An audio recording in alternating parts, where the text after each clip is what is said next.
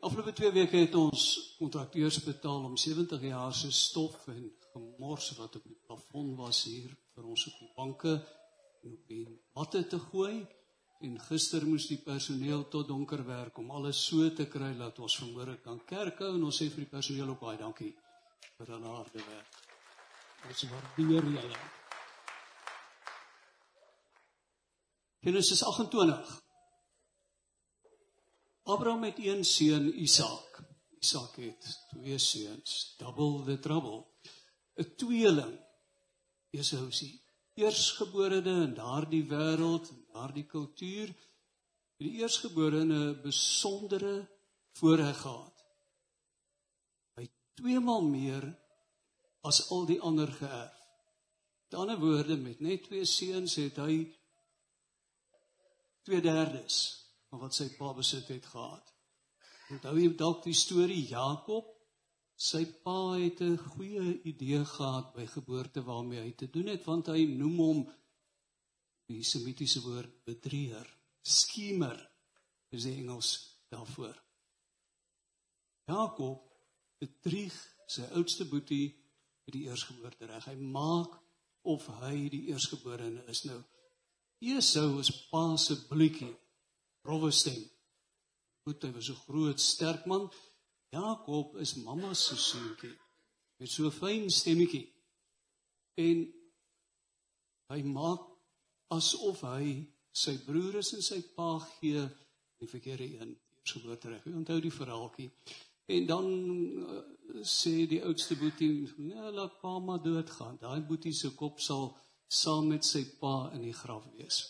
Ek maak vir hom eiehandig dood Rebekka wat agter alles sit dis hoe die ma het haar ou seentjie sy steek weer pa op en pa laat hom gaan. Hy vlug vir sy lewe na 'n vreemde land. Na pa se dood. Na 'n paar jaar sê die Here vir hom gaan terug huis toe.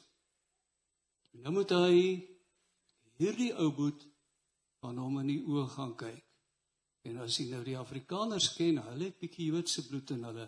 Hulle hou 'n wrok so lank soos die gemiddelde Jood of die gemiddelde Afrikaner. En op pad huis toe, dink toe aan hoe sy gemoedstoestand is. Lê hy eendag in slaap. Genesis 28 vertel. Jakob versewe op verlaat en het na Haran toe vertrek. En dan kry hy hierdie geskikte plekkie. Die nag droom hy dat 'n leer, dat hy 'n leer sien wat op die aarde staan met die punt in die hemel.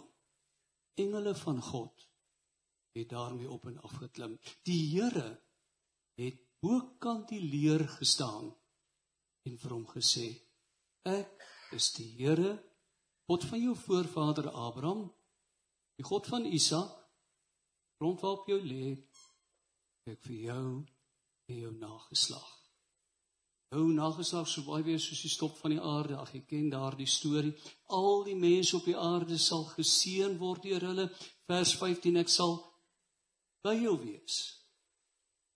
Jou beskerm waar jy ook al gaan. Op die regte tyd sal ek jou weer veilig terugbring na hierdie land toe. Ek sal jou nie verlaat nie, maar doen wat ek jou beloof het. En uiteindelik Moses die voorreg om die volk hier uit Egipte te lei en uiteindelik land hulle in hierdie land wat die Here aan Jakob toesê. En dan vers 16, toe Jakob wakker word, sê hy so waar die Here is op hierdie plek. En ek het dit nie geweet nie.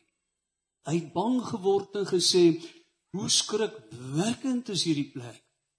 Dis niks anders nie as die woning van God die poort die hemel. staan hy op en hy verander daardie plek se naam wat lus was na Bethel. Dis die huis van God. Die Here is hier. Ek het dit nie verwag nie. Hy het my verras.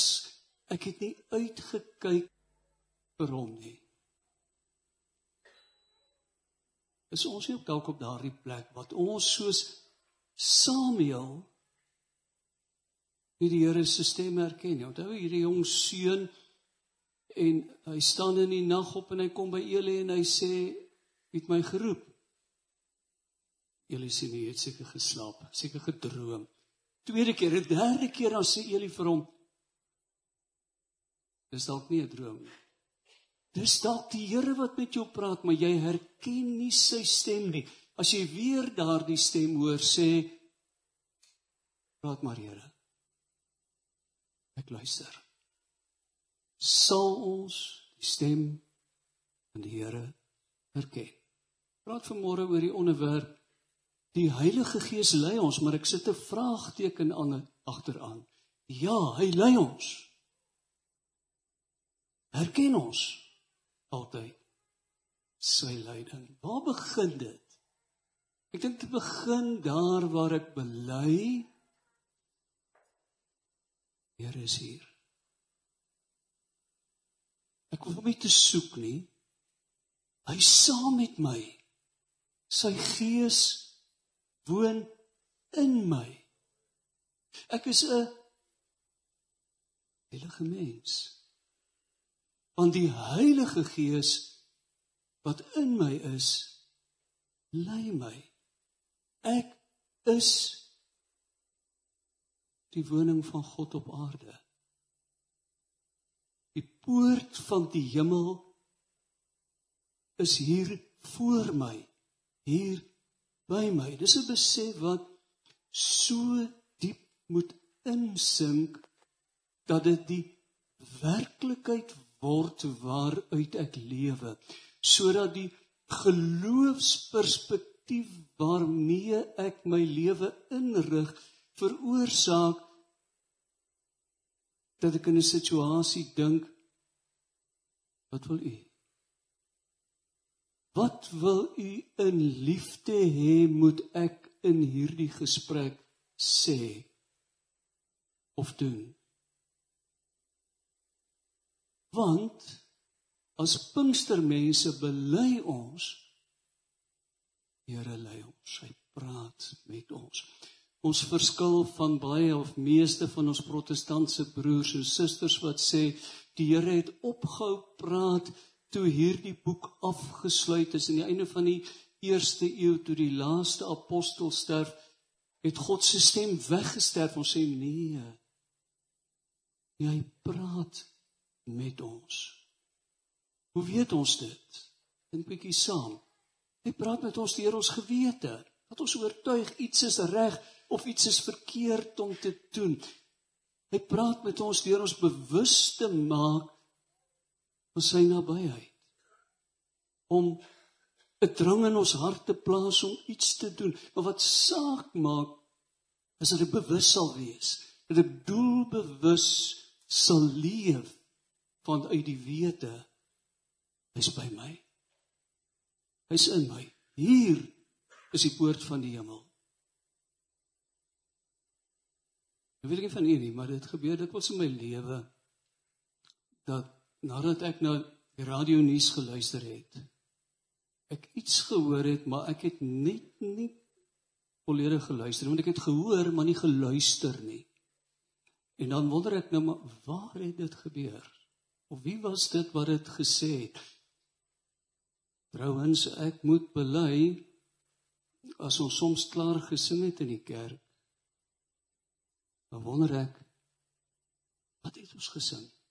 Ek het saam gesing, maar maar ek was daar, maar ek was nie daar nie. En dit hoef my vrou nou nie te hoor nie, maar ek luister ook soms na haar en dan hoor ek party goed. Ek het geleer wanneer 'n mens na doelbewus na die stem van die Here luister, daarna soek, dan praat hy. Ek het nog iets geleer. Wanneer hy praat, dan word die mens met wie ek te doen het of die mense met wie ek nou te doen het vir my allerbelangrik. Wat is die wêreld waarin jy leef? Wat is jou storie? Watter hartseer elemente is opgesluit in dit wat op jou gesig geskryf staan? en dalk agter dit wat ek hoor by jou. En dan verander dit my kommunikasie met jou. Want daar kom 'n diepte in hierdie kommunikasie gebore uit die geloofsperspektief. Ek lewe nie vir myself nie. Ek lewe vir die Here. En ek wil myself doelbewus onder sy leiding stel. Wat is vir jou belangrik? Waar vorder jou pad? Die Here. Miskien nog een opmerking dat die Here met ons praat. Sluit nie uit dat hy ons gesonde verstand ook gebruik nie. Hy wil nie 'n plaasvervanger wees vir die feit dat hy ons 'n goeie logika gegee het. Maar soms wil hy ook oor ons verstand klim en sy wil aan ons bekend maak sodat ek besef maar my perspektief in hierdie saak is nie baie gebalanseerd gewees nie. Wou moet ek self 'n besluit neem nadat ek die risiko's oorweeg het. Want as ek hierdie pad getrou loop en En dis so, the more I practice the better I get. Hoe meer ek my daarin beoefen om die stem van die Here te hoor, hoe duideliker word hierdie stem, hoe duideliker word die leiding van die Heilige Gees in my lewe en hoe makliker en hoe meer amper meer outomaties word dit dat ek vanuit 'n geloofsperspektief kan leef. Maar wanneer ek hierdie pad aanhou stap, begin dit my karakter vorm. Ek word 'n mens wat bedagsaam teenoor ander mense optree.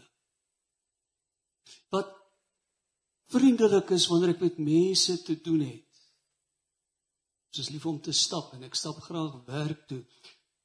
En dit is opvallend hoe min mense met 'n glimlag rond vriendelike gesig rondloop. Trouens, Die oorgrootste meerderheid van mense saam met wie ek leef, is studente en hulle loop met goed aan hulle ore wat 'n reuse klomp lawaai maak en hulle 'n virtuele werklikheid laat beleef wat hulle baie duidelik nie baie tuis laat voel nie, want hulle lyk altyd asof hulle verskrik is die hermaanmannetjies wat hulle pla.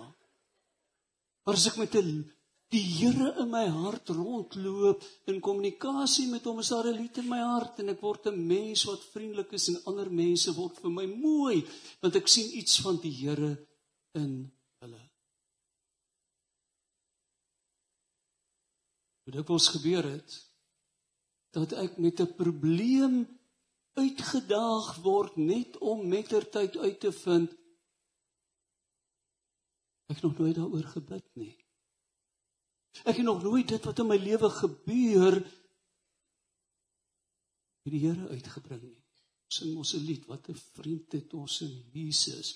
Deel daarvan is by hoe verbeur ons die vreugde, dit wil lei ons smart net omdat ons nie ons nood uitstort in u Vaderhart.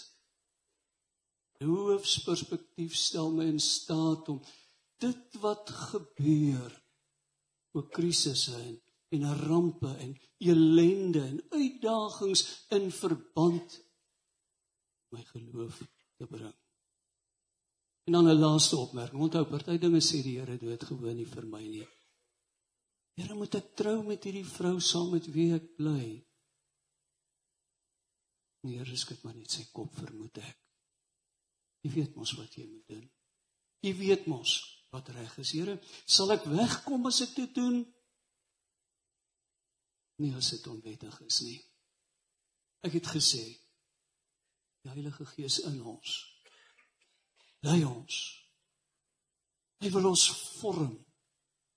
Hy wil ons nuttige instrumente in die hande van die Here maak.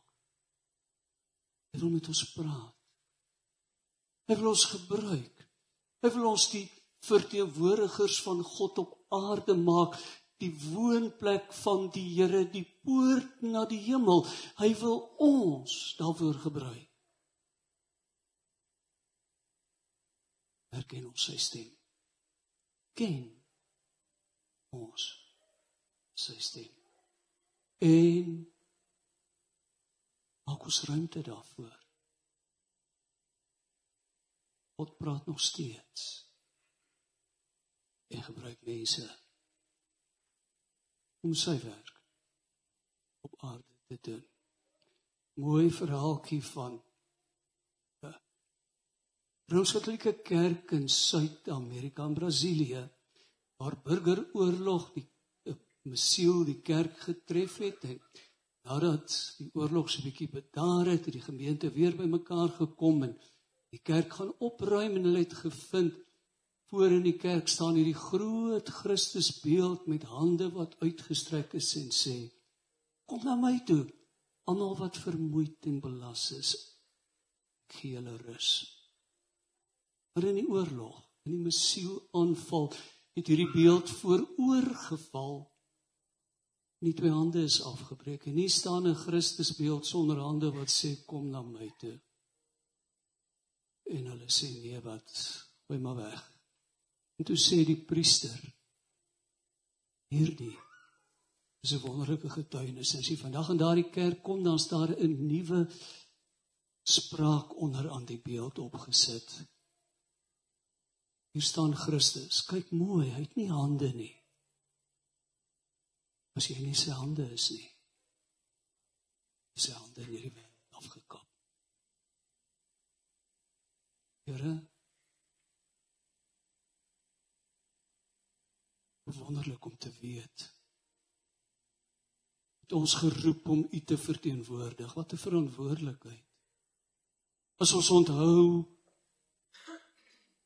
die hande word afgekap. Is ons nie U stem hoor nie. Open ons ore, open ons gees. Lei ons op hierdie pad waar ons sterk word daarin. Om u stem te wees. Woord van die hemel. Die plek en die geleentheid waar mense by die Here uitkom. Van u hoor. 'n aanraking met u kom. En met hoop kan verder gaan. Dit ons in Jesus se naam. Amen. Lekker koffie. Here seën vir u.